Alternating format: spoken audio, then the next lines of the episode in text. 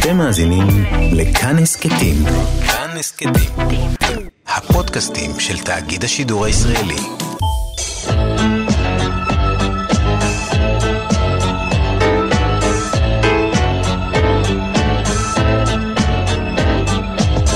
גיבור תרבות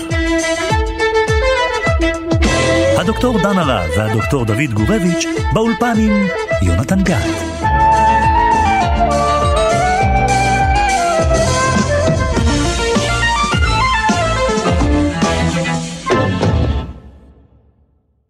本当に映画作りたいんだったらその脚本を書きなさいと、うん、脚本だったらわらばんしと鉛筆があれば書けるんだ、うん、ね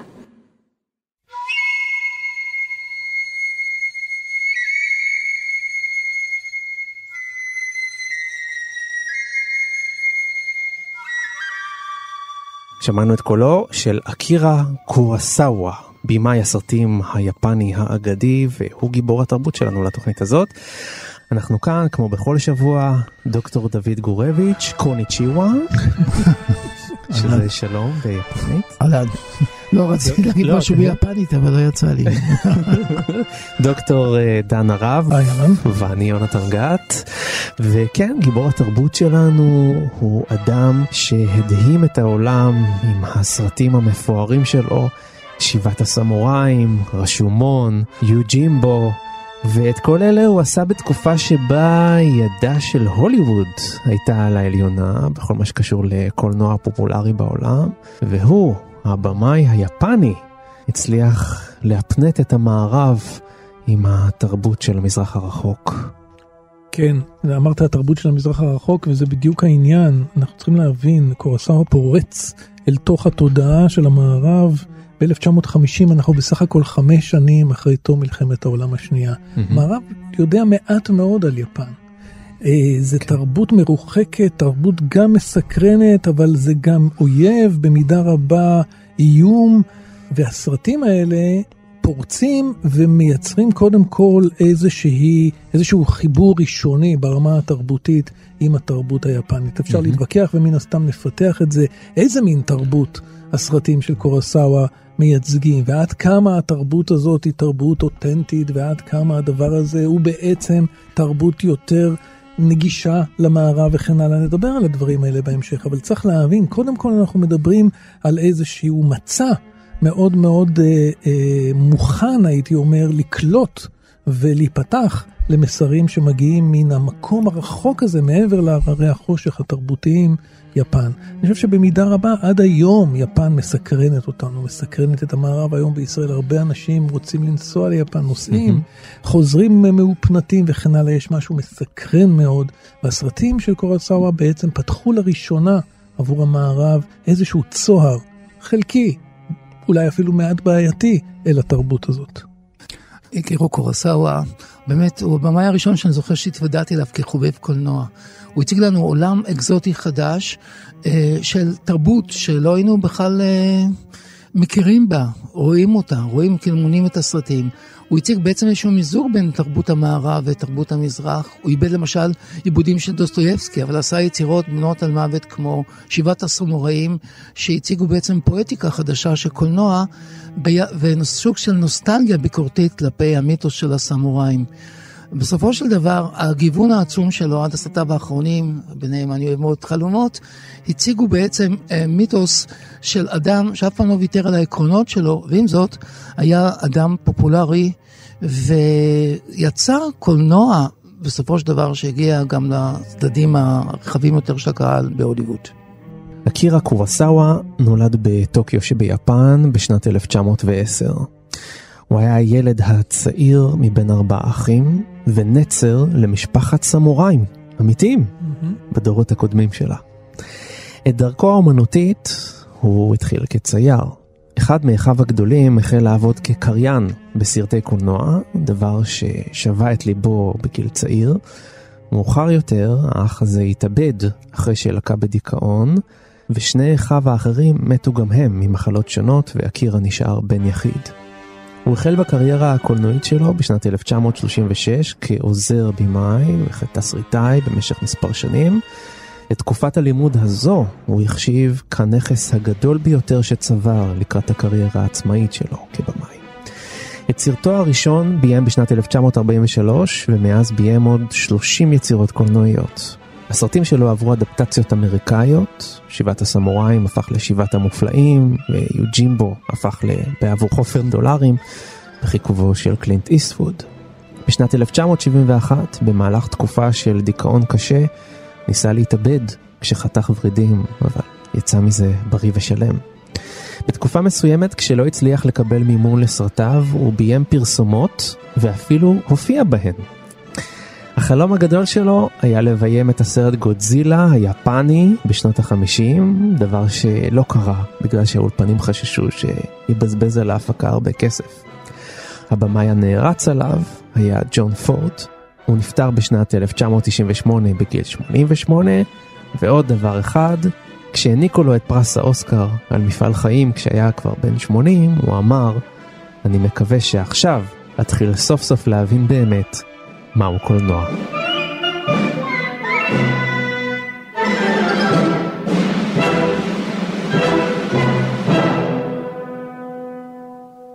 בואו ננסה רגע לתאר למאזיננו, כשאנחנו מדברים על סרט של קורסאווה, על מה אנחנו מדברים? על איזה תמות אנחנו מדברים?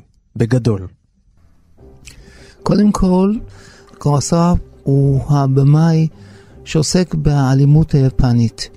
בחרדה מפני האלימות היפנית, וזה בא בעקבות פצצת האטום, כן, שהיא ספק. בעצם החוויה של הדור שלו. הוא הדור שחזה את הפצצה ביפן המפוררת. חווה, חווה את חווה, הפצצה. כן, חווה את הפצצה, כן, הוא היה כבר די בוגר כן. כשהפצצה הופלה. וחווה בעצם את ההתרסקות הכללית של יפן.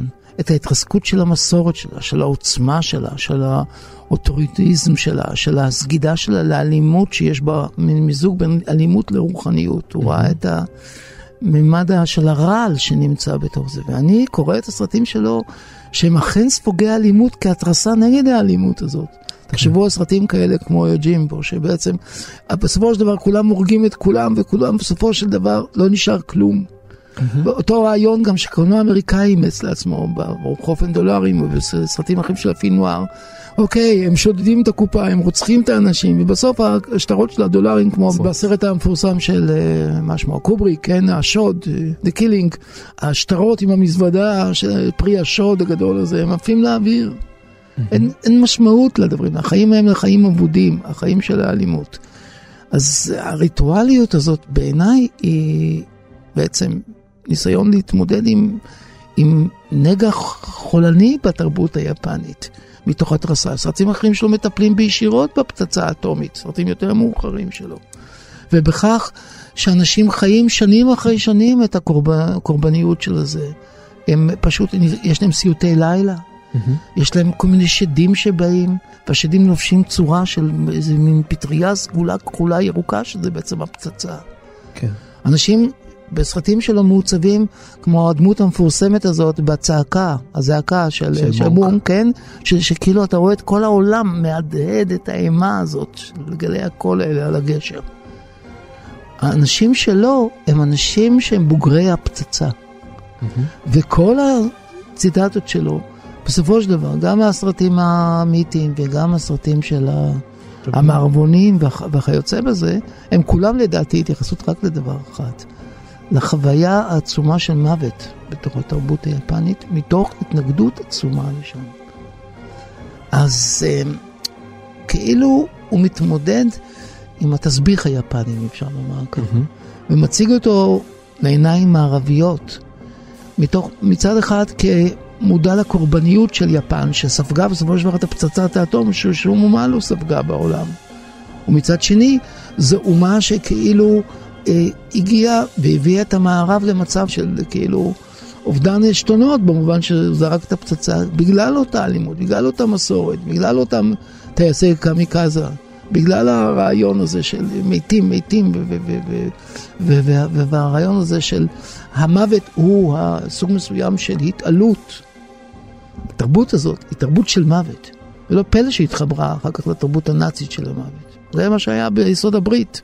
וכנגד התרבות הזאת, הכוללת של המוות, אני חושב, מוחה בצורה מאוד אנושית הקולנוע של קורסאווה. כן, אני, אני חושב שאם אתה מחפש איזה, איזה מכנה משותף לסרטים, אם אתה מחפש איזה סנטימנט אחד שמאחד את כל הסרטים האלה, אני חושב שקורסאווה קודם כל הוא פסימיסט, לא, בעיניי, mm. אוקיי? למרות המסרים ההומניסטיים שלו, הוא בא מאיזושהי עמדה שחוקרת את המהות של הכישלון, את המוות שדיברנו עליה קודם, לחוסר התוחלת בעצם של החיים. ככה אני תופס את מה שקורסאווה עושה. כן. איזשהו רעיון קורסאווה נשאל, באמת, האם לסרטים שלו יש נושא משותף? הוא אמר, אם אני חושב על זה, אז, אז זאת השאלה מדוע אנשים לא יכולים להיות מאושרים ביחד. זה הנושא המשותף, לפי mm-hmm. קורסאווה, של הסרטים שלו. זאת אומרת, הוא מתעסק לא מעט בהכרה הזאת שהאדם הוא בסופו של דבר, אה, אה, לא יודע אם קורבן, אבל הוא נתון בתוך מערכת שאין לו, לו באמת אה, שליטה עליה. Mm-hmm. הוא, הוא נשלט על ידי כוחות שהם חזקים ממנו. וכמובן שבסרטים שלו יש איזה ש... איזושהי כמיהה ש... שהאלימות הזאת, ש... שהאנושות אם תרצה תנטוש את הצד הזה של האלימות, אה, של הטרור, של ההרס, של האיומים, אני חושב שבבסיסו הוא לא באמת מאמין בזה, זאת, זאת, זאת התחושה שלי. כן.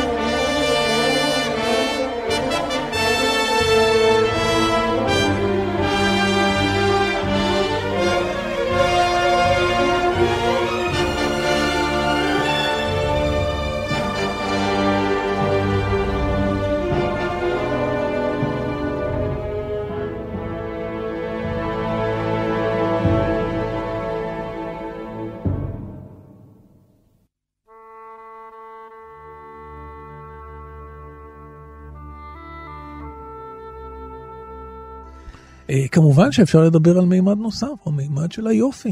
צריך להגיד את זה, הסרטים שלו הם תמיד מאוד, אתה יודע, קורסאווה רצה להיות צייר. הוא כן. נטש את הציור כי הוא החליט שהוא לא מספיק, הוא לא יכול להיות להצטיין בתחום הזה של הציור והוא פנה לקולנוע כסקנד בסט. Mm-hmm. אבל הסרטים שלו הם ציורים, אנחנו יודעים שבפועל הוא גם צייר את הסרטים שלו. תרתי משמע, הוא צייר את התסריטים mm-hmm. בעצם אה, בצורה מאוד מאוד מסוגננת, וגם הצייר, הסרטים שלו, תחשוב על סרט כמו רן. האם, זה, האם, זו, האם, זאת לא, האם זאת לא ויזואליה בתנועה מטורפת? האם זאת לא אומנות ויזואלית קודם כל? כן. המדרגה הראשונה. אפשר להביא גם, אה, אני מאוד מסכים שבעיניי, לדעתי זה אפילו מוטיב אה, הכי חזק, אה, בצד המוות. יופי ומוות, משהו כזה, בקיצור רומנטיקן, יופי ומוות שווה רומנטיקה. כן. בכל אופן, אני חושב שזה מאוד נכון לחשוב שהיופי זה, זה, זה דבר, איזושהי תפיסה, חקירה של היופי, בתוך הלכלוך, בתוך ההתפוררות, mm-hmm. בתוך המוות. זה נושא אצל הקורסון. אני חושב הסרט כמו דודקס קדן, דודקס קדן, שזה נעשה באיזה מזבלה, באיזה פר... כן. באיזה, באיזה, באיזה, באיזה אוטוסטרדה שם, זרוק, קצת מזכיר את נס במילאנו, שגם שם עלובי, עלובי חיים מחפשים קרן שמש להתחמם בה. כאשר הם בעצם קורבנות של הקפיטליזם והרצחני שלאחר מלחמת העולם השנייה. אז אה, אני זוכר את המזבלה הזה, כמו שלפעמים יש, הייתה תערוכה על היופי של הזבל, כאילו, אמרו את המחזור. תערוכה גדולה. כאשר כל הקומפוננטים האלה, כל המרכיבים האלה, של, שזה בעצם התפוררות צבעונית של העולם, הופכים להיות מין פרסקו גדול בסגנון, הייתי אומר, ג'קסון פולוק, תחשוב. רק שזה מורכב משיירים צבעוניים של, של, של דברים, של אנשים, של חפצים. זה ראייה של העולם כאובייקט ליופי. אז איפה אתה מוצא את היופי? בתוך הזוהמה, בתוך הלכלוך. אז כאן יש מוטים גם של גאולה, במובן הזה, גאולה באמצעות היופי. אם כך, התזה שלו היא אסתטיסטית. כלומר, היופי יגאל אותנו מתוך הדבר הזה. אם כבר בכלל משהו יגאל אותנו, אם יש לעולם איזושהי משמעות, הרי רק זה כפנומן אסתטי. כפי שאמר ידידנו, ניטשה. אם לעולם יש איזושהי משמעות, זה רק כפנומן אסתטי. עכשיו גם, ניטשה גם היה פסימיסט, אבל הוא ראה ביופי כאילו את ה... הייתי אומר, את המבצע האחרון שאפשר להאחז בו. כי שאר הדברים הרציונליים האלה לא עובדים, אז אתה נשאר, נשאר את האומנות, נשאר היופי. ואתה יכול להאחז בזה גם בסרטים המאוחרים של רפסודיה באוגוסט ואחרים, שזה כמו סוג של מדיטציה של אדם מבוגר שנזכר בנעוריו. חלומות. חלומות, חלומות, נכון? אה, שתלמידיו באים אליו, הוא חי כבר כמין פנסיונר שפורש מן העולם. זה התבוננות עצומה בחיים, לא רק כמצב של תבוסה, אלא מצב של זיכרונות שמשחזרים את עצמם באמצעות היופי. אז אה, גם הסרטים המוקדמים יותר שלו, או באמצע הדרך, וגם הסרטים המאוחרים, חלומות. חלומות במיוחד מתאים, כמו שאמרת. כן.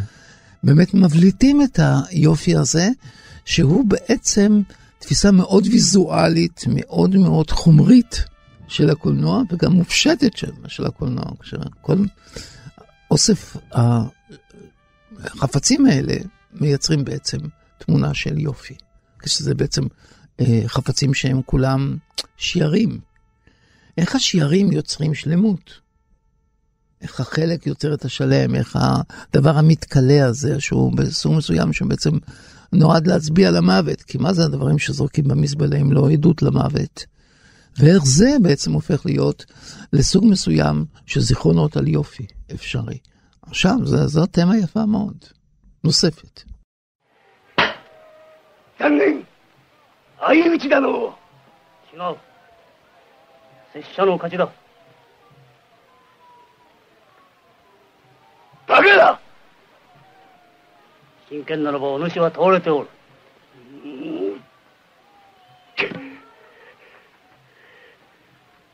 では真剣に言わよ。無駄だ。何？わからんな。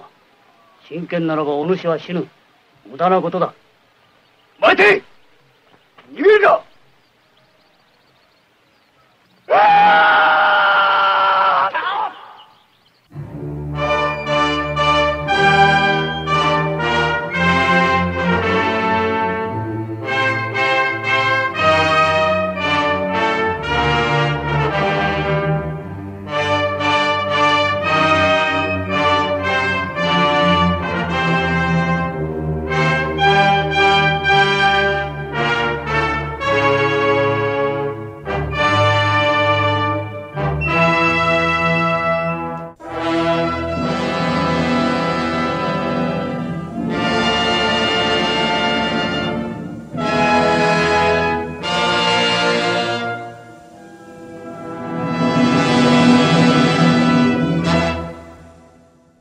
חושב שבצד התמות שציינו, האלימות והמוות והאי היכולת להילחם בו, ועם זאת הרצון להצביע על כך שהוא מכלה את העושר האנושי והתמה של היופי, mm-hmm. יש גם את התמה של המלחמה המוסרית בלב האדם. תוך כדי כך אה, מנצל בעצם אה, קורסאווה את המדיום של המערבון. שהרי המערבון בסופו של דבר זה לא כן. רק אלימות ובנג בנג, זה בעצם מלחמה בין הטוב לרע. בין היצר הטוב שבאדם, שמתגלם ברצון לחוק, לסדר, לחיים שלווים, לסוג מסוים של המשכיות, לבין איזה חבורה של פראים, פורעים, שכירי חרב, או נציגים של הקפיטליזם הדורסני שרוצים להרוס את הכל למען רווח עבור חופן דולרים. כן. עכשיו, קורסאו לוקח את המתכונת הזאת, שהיא כל כך פופולרית וקומוניקטיבית למערב, ונותן את הגרסה היפנית שלו, אבל ביסודו של דבר זה בדיוק המלחמה בין הטוב לרע, אפשר לציין גם סרטים אחרים שלו, שהם, שהם בעצם אדפטציה כמו החטא ועונשו של דוסטויבסקי. Mm-hmm. ואז שוב, המלחמה היא מלחמה מוסרית. אז הייתי אומר, המלחמה המוסרית בלב האדם, בין הטוב לרע, דרך הז'אנר הפופולרי של המערבונים mm-hmm. וז'אנרים נוספים, זה שוב תמה גדולה, או איזה נושא, איזשהו מכלול שעומד ביסוד הקולנוע שלו. אז זאת אומרת שאולי בצורה ביקורתית אפשר להגיד שהוא הצליח למכור למערב פחות או יותר את אותו סט של מסרים רק באריזה יפנית. בפולקלור יפני בעצם. אני חושב שסוד ההצלחה שלו זה בעצם הממד האוניברסלי של האומנות. נכון, זה קאגמושה, נכון, יוג'ימבו, נכון, אבל זה בעצם קינג ליר, זה בעצם הטוב והרע, זה בעצם, ה... זה בעצם דו-קרב לאור השמש, זה תמיד... זה הסיפור אז... הישן והטוב. זה הסיפור בין הטוב לבין הרע וההתמודדות של נפש האדם בשני הדברים הללו. זה, זה מסר מאוד אוניברסלי. Mm-hmm. הופך אותו כמובן אה, לקליט כל כך במערב, כי זה מסר אה, בסיסי של הדואליזם המערבי.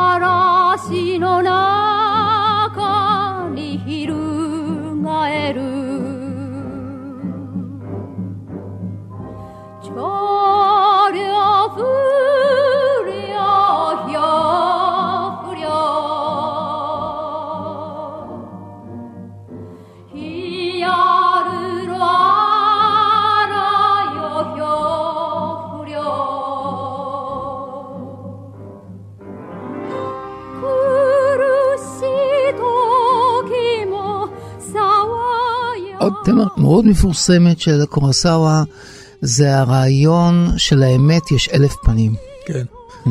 אתה יודע שמזוהה עם המושג רשומון, כמובן, עם הסרט רשומון. בוא נתאר למאזיננו מה רואים בסרט רשומון. יש שם מקרה של אונס, תקיפה של אה, אישה ביער, ואנחנו מקבלים את סיפור המעשה בזווית מסוימת, ואחר כך היא מתחלפת, כן, היא מתחלפת מכל המשתתפים. מצד הגבר, מצד האישה, מצד העוזר, מצד הלוחם. בעצם זה תפיסה שמקדימה את העולם הפוסט-מודרני, תחשוב. נכון, ממש בשבילך דוד. ש... בהחלט, אנחנו היום כולנו חוגגים את הפוסט-מודרניות מבוקר עד ערב. אז אנחנו נמשיך בו גם אחר הצהריים אביבי וחם והביל כזה. אז אה, מה שאנחנו חושבים, שלאמת אלף פנים, ובעצם אי אפשר לדעת מהי האמת לאמיתה, האמת הדפיניטיבית. כן. אנחנו לא יכולים לדעת מה באמת קרה שם, מה קרה ביליל. הרי כל המטרה של המערב, בתפיסה המודרניסטית, זה לספר את הסיפור כפי שקרה באמת. זו המטרה של ההיסטוריוגרפיה המודרנית, mm-hmm. שאותה ניסה פון רנקה. לספר את הדברים כפי שהראו בעליל. כן. אומר קורסאווה, אי אפשר לספר את הדברים כמו שקרו בעליל, תלוי את מי אתה שואל. שוב, קלישה עיתונאית, תלוי, תלוי את מי אתה שואל. פירושו של דבר, שמה שאנחנו אומרים אמת, זה בעצם השתלטות של גרסה אחת על פני גרסאות אחרות והפיכתה לגרסה שלטת, שמקובלת, כן. שמקבלת גושפנקה סמכותית, שלטונית או כוחנית כזאת או אחרת. אבל היא לא נובעת מאוטוריטה פנימית של ידיעת האמת, אלא משליטה כוחנית במערכת שהיא בעצם מתעלת את האמת ומפיצה אותה לאנשים. עכשיו, אם אנחנו מסתכלים ככה על הסרט רשומון, אז אנחנו רואים אותו כחלוץ לא רק מבחינה קולנועית, אלא חלוץ גם במחשבה של, הייתי אומר, חלוץ במחשבה האונתולוגית על הישות שאנחנו חיים מולה. Mm-hmm. אם אתה מסתכל על זה כך, אז הוא אומר לנו בעצם שכל העולם הוא רק נרטיב. כן. נרטיב פירושו סיפור, פירושו בדיה, פירושו רצון לשכנע, פירושו רטוריקה, פירושו יכולת לקוד את לב המאזין ולהוכיח לו שזה כך. אם אתה זוכר בסרט רשומון, הוא, כל אחד מספר את זה למישהו שם באיזה לילה של, uh, אני זוכר, רעמים, ברקים, גשמים יורדים, עובר אורח, מחפש מחסה. והדמויות נקלעות שם ומספרות כל אחד את סיפורם לאותו בן אדם. נגמר הגשם, נגמרים הסיפורים, נגמר הסרט. כן. אז מהי האמת? מה קרה שם? זה גם סרט על מאחורי הקלעים והחשיפה של האינטרסים במספרי הסיפור. נכון, וזה גם החשיפה של uh, עומדת מאחורי, באמת, כמו שאתה אמרת, האינטרס לספר את הסיפור, שכל אחד יש לו אינטרס אחר לגמרי. Mm-hmm. לא רק לנקות את עצמו, לא רק להפוך את עצמו לטוב יותר, אלא לתת גרסה משלו על העולם, ליחסים מגברים נשים, יחס בין כוח. שוב, אונס זה יחסי כוח. כן. יחסי כוח זה הדבר שמרתק את זה. לכן אונס, לכן מוות, לכן אה, סמוראי, לכן פצצת אטום. כל דבר שיש בו איזשהו ריח של אה, אלימות ויחסי כוח, זה אחד הנושאים החזקים ומאוד באמת דרמטיים מאוד של קורסאווה, זה הנרטיב של רשומון, כן. שהוא פורץ דרך במחשבה. ואיתנו הסמוראי, המורה, נחמן אינגבר, אהלן. אהלן. חוקר הקולנוע, חוקר הבית שלנו. נחמן, אם היית צריך לתת כותרת לתרומה הייחודית של קורסאווה לקולנוע העולמי, איזה כותרת היית נותן? וואו, זה קשה מאוד. אני חושב שהדימוי הראשון שעולה על הדעת זה הדימוי שהיפנים נתנו לו, בפשטות, הקיסר. Hmm. כלומר, אדם שלוקח את כל הטכניקות הקולנועיות שגובשו uh, בקולנוע לפני שהוא נכנס אליו, Mhm. והוא הופך אותם לטכניקות שלו, וברמה שגם אלה שבנו את הטכניקות הקולנועיות לא יכלו לחלום עליהם. זאת אומרת, הוא מפתח את uh, ההישגים של הדור הראשון לקולנוע עד לשיא שלהם, נאמר בימי הזוהר של הקולנוע, אותם סרטים שמבוססים על עריכה, על צילום, הנעת מצלמה, מיזנסצנה, כל מה שאפשר לעשות כבמאי, כאילו בצורה המושלמת ביותר. אז אולי תסביר לנו קצת באמת על הטכניקה הזאת, נכון? היא לו טכניקה ייחודית מבחינת תראה, הפוקוס. צר, כן, ברור, צריך להתחיל מהעובדה הפשוטה שהיא מובנת מאליה, אבל אה, אני לא חושב שכולנו מבינים אותה, זה שביפן אה, קיימות אה, שתי תרבויות שמצויות אה, כתף אל כתף, ואדם כן. מוגדר על פי התרבות שהוא בוחר בה.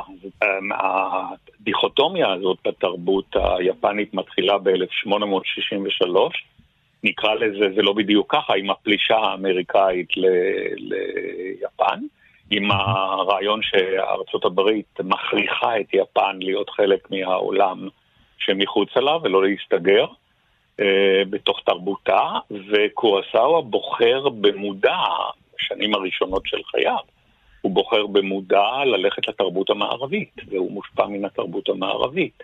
זאת אומרת, אה, אם ניקח את הדימוי החזק ביותר, שאני מניח שכל צופה ישראלי מכיר, מיהו הגיבור שלך? מיהו האיש שהשפיע על חייך?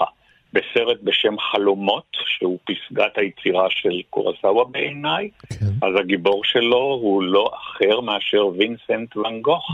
כן. וינסנט ואן גוך, הצייר. איך אני אגדיר אותו? הכי מערבי שיש, הכי שייך לתרבות האירופית, ומי שמגלם אותו בסרט של קורסאווה את ואן גוך הוא מרטין סקורסזה, הבמאי האמריקאי הכי הכי קולנוען אמריקאי מהגדולים ביותר, ודאי אחד מהחמישה הגדולים ביותר בארצות הברית.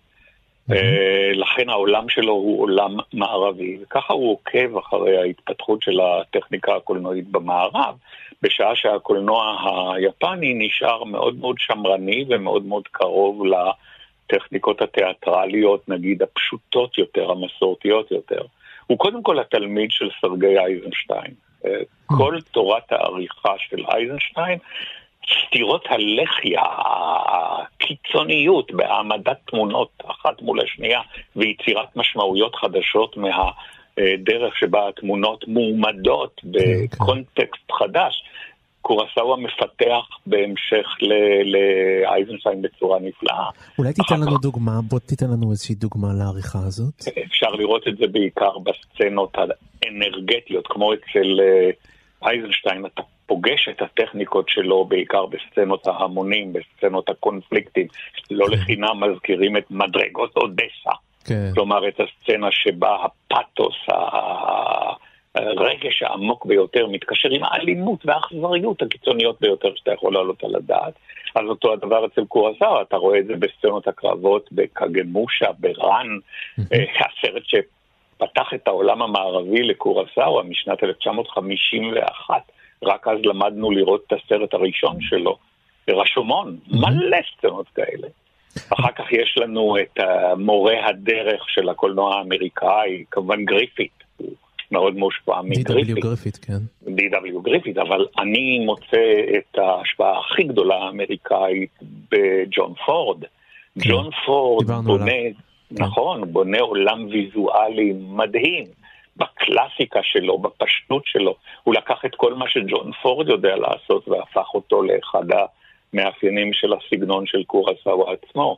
תחשוב על הפילם נוער, איך אתה יכול לקשר את התרבות היפנית עם הפילם נוער, ופתאום קורסאווה עושה בעיניי את הפילם נוער הכי מעניינים שיש בעולם הקולנוע. אה, יש לו סרטים בארץ, אנחנו יותר מכירים את הסרטים ההיסטוריים שלו, נכון. סרטי הסמוראים, אבל הוא עשה סרטים שמתרחשים ביפן המודרנית, וחלק מהם הם סרטי אה, פילם נוער אה, מדהימים. הדרך שהוא מעמיד תאורה, העמדת תאורה עקרונית, אתה אומר לעצמך, אין דבר יותר מערבי מזה, הציורים היפנים במידה רבה מאוד שלופי שמש, והשמש מכסה את כל היערות והפרחים וההיבטים של הציור היפני, ואילו רמברנט המציא את התאורה. אתה רואה אצל רמברנט איזה שימוש מדהים יש בתאורה, ופתאום קורסאווה הוא האיש שיודע להשתמש בתאורה, תקרא לזה אקספרסיבית, או מה שנכון יותר, אקספרסיוניסטית, הכי טוב מכולם. נחמן, אתה, וכך הלאה, אתה, וכך הלאה. כן. אתה הדגשת מאוד את הפן של, ה, של הטכניקה של קורסאווה, ואין ספק ש, ש, שזה פן מאוד מאוד מרכזי באומנות שלו, אבל אני תוהה, קורסאווה הוא לא, הוא לא רק טכניקה, אני תוהה נכון, מה, איך אתה נכון. רואה את, ה, את האידיאולוגיה שלו, אפשר נכון. להגיד, או את המסרים שלו, את מה הטכניקה הזאת אמורה לשרת בתוך תוכו של האומן הזה? אני כל כך שמח על, על ההערה הזאת, שהיא כל כך חשובה. תראה, כן, אה, פה הם משלמים לנו על זה, כן. הוצגתי בתוכנית הזאת כחוקר קולנוע. אז אני אה, במידה מסוימת מודע להתפתחויות, להיסטוריה שהקולנוע עובר. יפן היא חברה אוריינטלית והיא לא בהכרח חברה הומניסטית. אנחנו מדברים על הומניזם בהקשר של ה... אה, אני אגיד את זה? העליונות הטוטלית, הלא ניתנת לערעור, של קדושת חיי האדם, של קדושת ערכי האדם וכדומה. כן. תרבות שיכולה לצמוח בטייסי קמיקזה, לא יכולה להיקרא תרבות הומניסטית. אה, זאת אומרת, האדם משרת, הוא בורג שמשרת אה, אורגניזם גדול ממנו, החברה, והוא לעצמו, סוג של בורג שיתפוצץ על אונייה אמריקאית ויפוצץ אותה, כן? זה לא הומניזם. אה, אני חושב שקורסאווה הוא אחד מגדולי התפיסה ההומניסטית בתרבות כולה, וביפן הוא זה שפתח לראשונה צוהר לרעיון שערך החיים האנושיים זה הדבר המופלא ביותר. אתם כולכם זוכרים סרט שלו שנקרא דודס קדן, כן. שבסרט הזה הוא אה, אה, עושה איזושהי הבחנה בין האנושי והמכני, כן.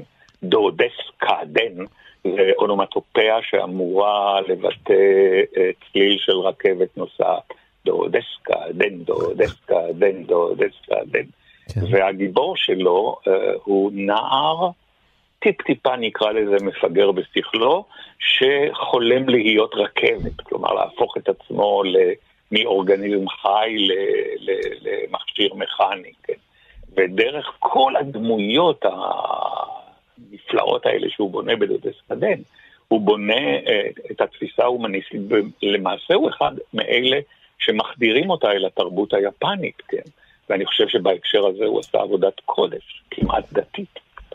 נחמן, אז זה בעצם אה, עמדה הומניסטית, תפיסה הומניסטית כעמדה חתרנית באותם שנים שאחרי המלחמה? בעצם אה, איזה- אתה, אתה מעלה כמובן שוב נקודה רגישה מאוד. תראה, קורסאווה עבד בתקופה, אנחנו מדברים על גרמניה, אז אנחנו אומרים בקלות התקופה הנאצית. כשאנחנו מדברים על יפן, אנחנו אומרים התקופה המיליטריסטית.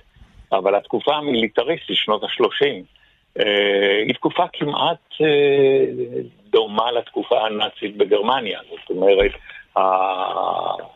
כן, אני חושב בעקבות הדברים שלך, אחד הסרטים המאוחרים שלו עוסק באמת באימה ובזיכרונות ובסיוטים של הפצצה שהטילו, ושם, בוודאי. ושם יש איזושהי עמדה מאוד מורכבת כלפי הרעיון הזה של היפניות הזאת, של האלימות נכון. היפנית.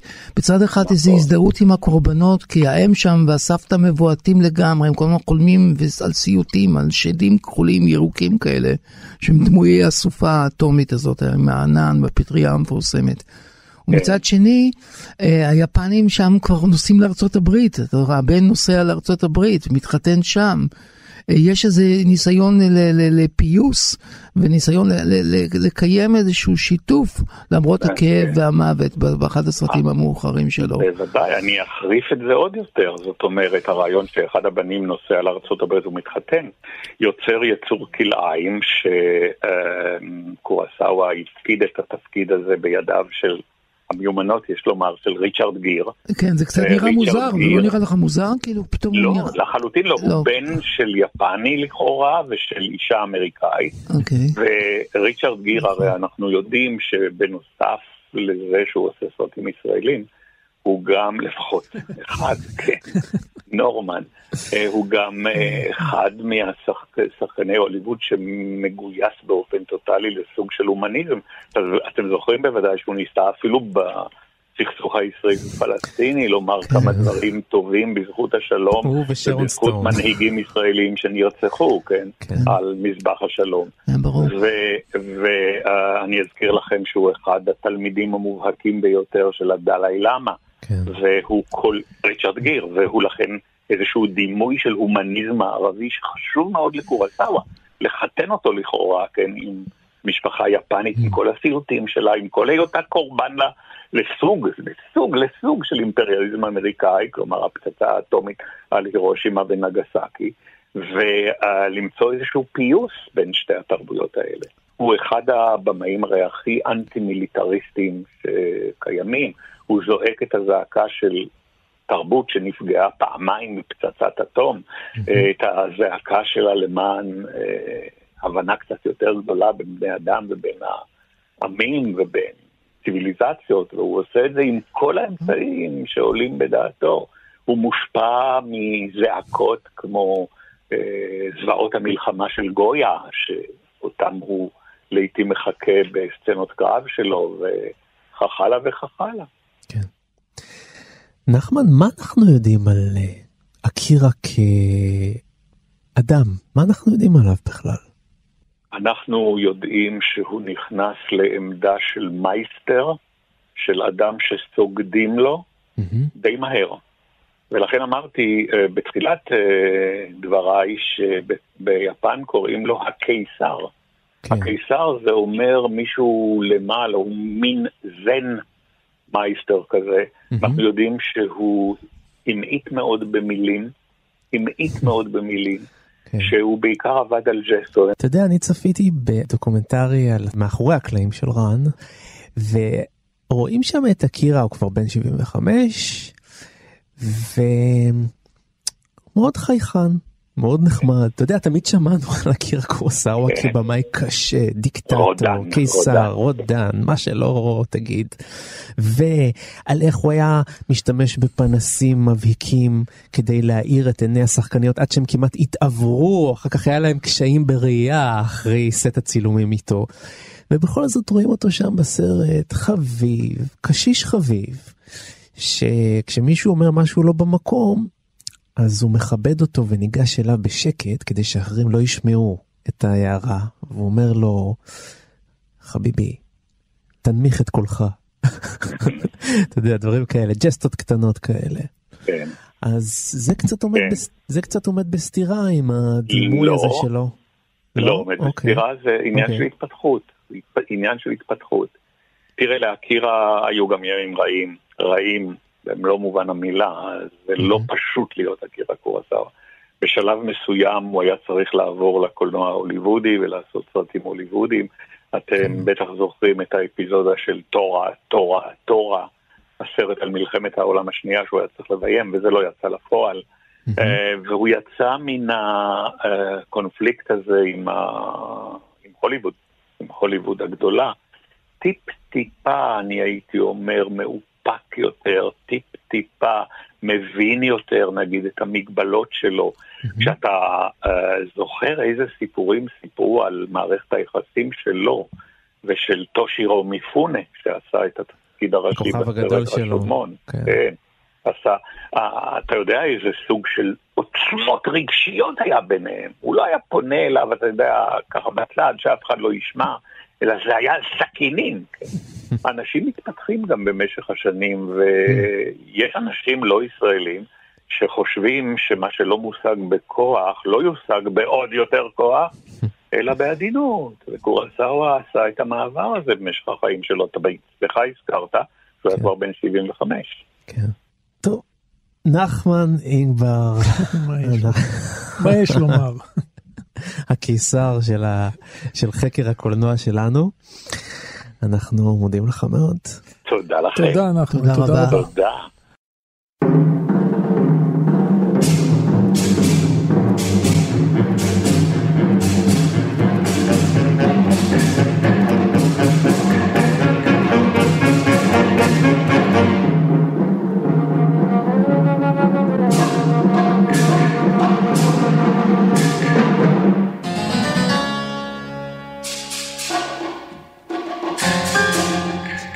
אתם יודעים שבעבור חופן דולרים, בחיכובו של קלינט איסטווד, נעשה על ידי הבמאי סרג'יו ליאונה, ושעשה גם את הטוב הרע והמכוער, את הטרילוגיה הזאת של האיש ללא שם, בכיכובו של אה, קלינט איסטווד, והסיפור הוא שהוא צפה בסרט יוג'ימבו, וכל כך מצא חן בעיניו, שהוא החליט פשוט להעתיק את התסריט.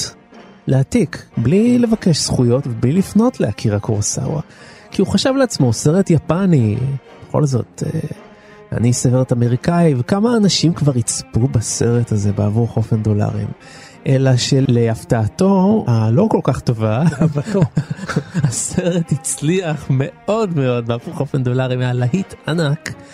וזה הגיע לעיניים של קורסאווה, שפתאום הבין שהאיש הזה פשוט העתיק אחד לאחד את כל הניואנסים גם שלה, את כל הסיפור, כולל הניואנסים הקטנים.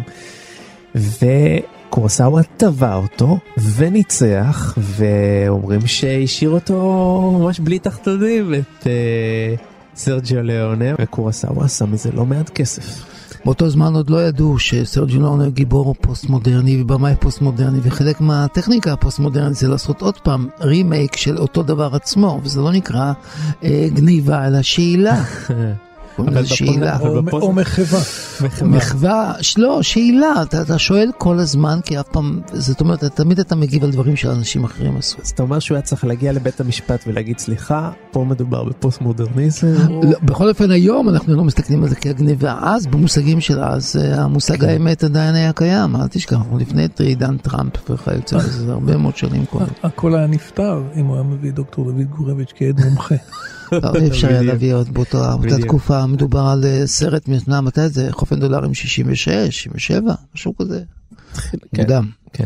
מוקדם מדי. תחשב, אבל תחשבו על זה, הנה עוד פעם היחסי גומלין האלה בין המזרח הרחוק למערב, וקורוסאווה שהיה כל כך מושפע מתרבות המערבון, יוצר סרט שהוא סרט סמוראי שנגנב על ידי סרג'ו ליאונה האיטלקי בכלל, שהוא אחד היוצרים של הז'אנר המעבור, המערבון המתקדם. נכון, הביקורתי. אבל הביקורתי. אני תמיד אומר שאומנות היא תמיד גניבה, רק צריך לדעת לגנוב ממייסטרים גדולים, זה כל העניין. אין שום אומנות בלי גניבה ממייסטרים גדולים. הוא דיבר על גניבה. ואני אמרתי מחווה. אני דיברתי על שאלה, כן. שהקולנוע תמיד שואל מאחרים. אפילו גודר אמר, אתה צריך להשאיל לעצמך לעצמך ואת עצמך לאחרים. אוקיי. אתה מכיר את המשפט, זה למדתי ממך. נכון, אבל יש רמות שונות של שאילה לשיטתך.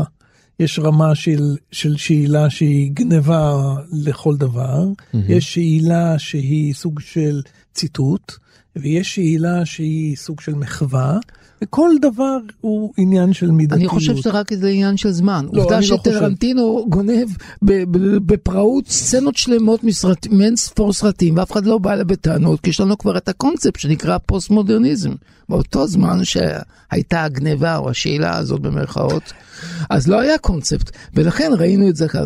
תמיד אנחנו מתייחסים, מפרשים דברים, אם יש לנו קונספט כזה או אחר לגבי כן. הפרשנות שלהם. אז הקונספט לא היה קיים. תראה, אף אחד לא אומר על טרנטינו שהוא גונב. תראה, התכתבות בין טקסטים היא תמיד הייתה, ואני לא מסכים. התכתבות, אלא ממש אה, עשר דקות של מתוך סרט אחר. מה, מה תגיד על זה, גניבה? עשר- דקות מתוך סרט אחר, אחר. כן, בלי שום, אין- שום אין- עריכה. אין שום בעיה, אבל אנחנו נכנסים פה לדיון אחר, בדיון, דיון על זכויות יוצרים וכן הלאה. אם הוא קיבל איזה אישור, אז, אז זה מאה אחוז, ואולי אפילו המצוטט זוכה לכבוד על ידי זה שטרנטינו מצטט אותו או משתמש בקטע מסרטו. אני חושב שכמעט אין מקוריות, הדבר הכל- הזה הוא לא טריוויאלי, בסדר, הבנתי את מה שאתה אומר, כן. שאין מקוריות. אני אומר, הזיקות האלה בין אומנים, שלפעמים זה, אתה יודע, טרנס-אטלנטי, בתוכנית שלנו עסקנו ביפן ובארצות הברית, אה, הזיקות האלה הן מאוד מאוד מעניינות. אני יכול לחשוב בעצם, אה, אתה יודע, דיברנו על, על סקורסזה שמגלם את דמותו של ואן גוך בסרט אה, חלומות. אה, אתה יכול לחשוב על המקום שריצ'רד גיר משמש בסרט של קורוסאווה. וריצ'רד גיר הוא השחקן הקבוע של פול שרדר, ופול שרדר הוא התסריטאי של, של סקורסזה בנהג מונית, ופול שרדר לעומת זאת הוא המעריץ הגדול של היריב, אם אפשר להגיד, של קורסאווה ביפן, שזה יוסוג'ירוזו, הקולנוע הטרנסדנטלי לשיטתו של אה, שרדר. אז באמת אנחנו רואים כל מיני זיקות מעניינות ולא חד משמעיות והתכתבויות שככה מגשרות על פני תרבויות ועל פני זמנים. יש באמת תמיד יחס מאוד מאוד קרוב, אמביוולנטי, ובין שתי התרבויות כן. האמריקאים. בסך הכל הם שוכנים בשני והצדדים של האטלנטי, נכון. באיזושהי צורה. והרעיון הזה של סימביוזה או, או, או חדירה, והאמריקאים כבר נמצאים ביפן מ-1860, כמו שאמר לנו נחמן, נחמן אינגבר, אז uh, כל זה, uh, ומצד שני הם האויבים, ומצד שלישי הם בעצם ה- הכי מושפעים מהתרבות האמריקאית, לגמרי. בצד התרבות ה- יותר אמריקאים מאמריקאים. האמריקאים בצד הקיום של התרבות המסורתית המאוד מאוד מסתגרת. כל זה הופך את הדיאלוג הזה האמריקאי-יפני לכל כך מרתק, ועד טרנטינו.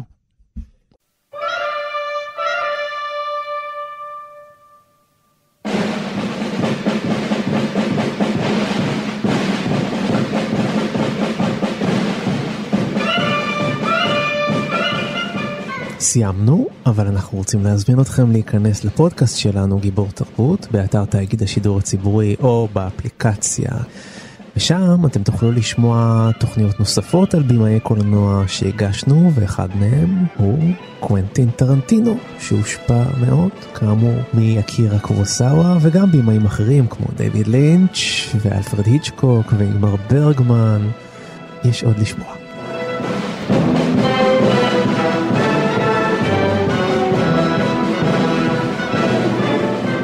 ואנחנו רוצים להודות לטכנאי שלנו מיכאל הולשמנג, לאייל שינדלר ולשלומי בן עטיה שהביאו אותנו כאן לשידור.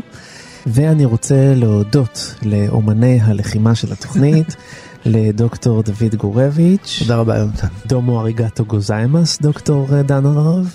אני משער שזה ברכה חיובית. כן. תודה.